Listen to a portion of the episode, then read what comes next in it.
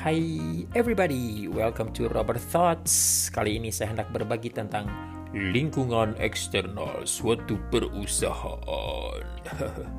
Setiap perusahaan beroperasi di dalam sebuah lingkungan makro yang terdiri atas enam komponen utama PESTO, politics, economic, socio-cultural, technology, environmental, dan legal.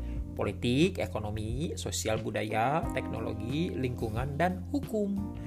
Selain macro environment, perusahaan juga dipengaruhi oleh apa yang disebut dengan lingkungan kompetitif dan industri langsung. Lingkungan kompetitif ini terdiri atas supplier, pemasok, substitute product, produk pengganti, buyers, pembeli, new entrants, pendatang baru, dan rival firms, perusahaan pesaing.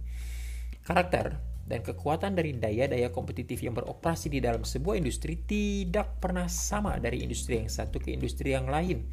Alat yang paling ampuh dan yang paling luas digunakan untuk mendiagnosa tekanan kompetitif utama di dalam sebuah pasar adalah Five Forces Framework.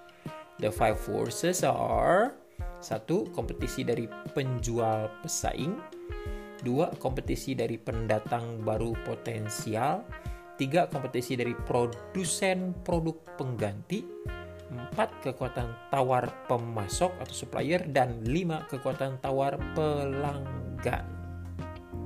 Berkaitan dengan pembahasan kita ini ada beberapa term terminologi istilah yang berkaitan. Pertama, complementors.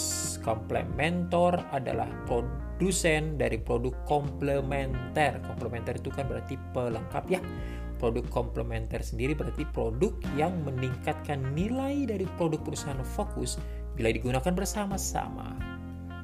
Dua, terminologi kedua nih. Value net. Value net atau kau boleh diterjemahkan sebagai jejaring nilai mengidentifikasi empat pengaruh langsung terhadap kesuksesan bisnis. Tipe-tipe pemain yang setiap perusahaan hadapi dan dapat memengaruhi perusahaan secara langsung. Keempat pengaruh tersebut adalah satu customers atau pelanggan, dua suppliers atau pemasok, tiga competitors atau pesaing termasuk di situ di dalamnya ada uh, substitutors ya, berarti yang bikin produk pengganti dan potential entrance pendatang baru dan yang berikutnya keempat adalah complementors. Terminologi ketiga driving force atau kekuatan penggerak. Kekuatan penggerak adalah penyebab utama perubahan dalam industri dan kondisi kompetitif. Yang keempat, strategic group atau kelompok strategis adalah sejumlah pesaing industri yang memiliki pendekatan kompetitif serta posisi pasar yang serupa. Strategic group ini dapat dipetakan.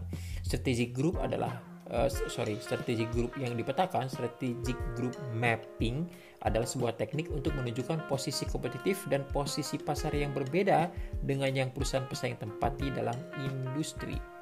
Sementara strategic group map mengungkapkan perusahaan mana yang adalah pesaing dekat dan mana yang adalah pesaing yang jauh distant ya. Hmm.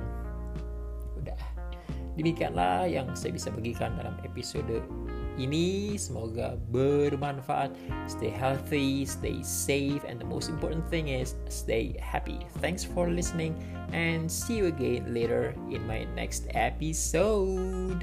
Goodbye.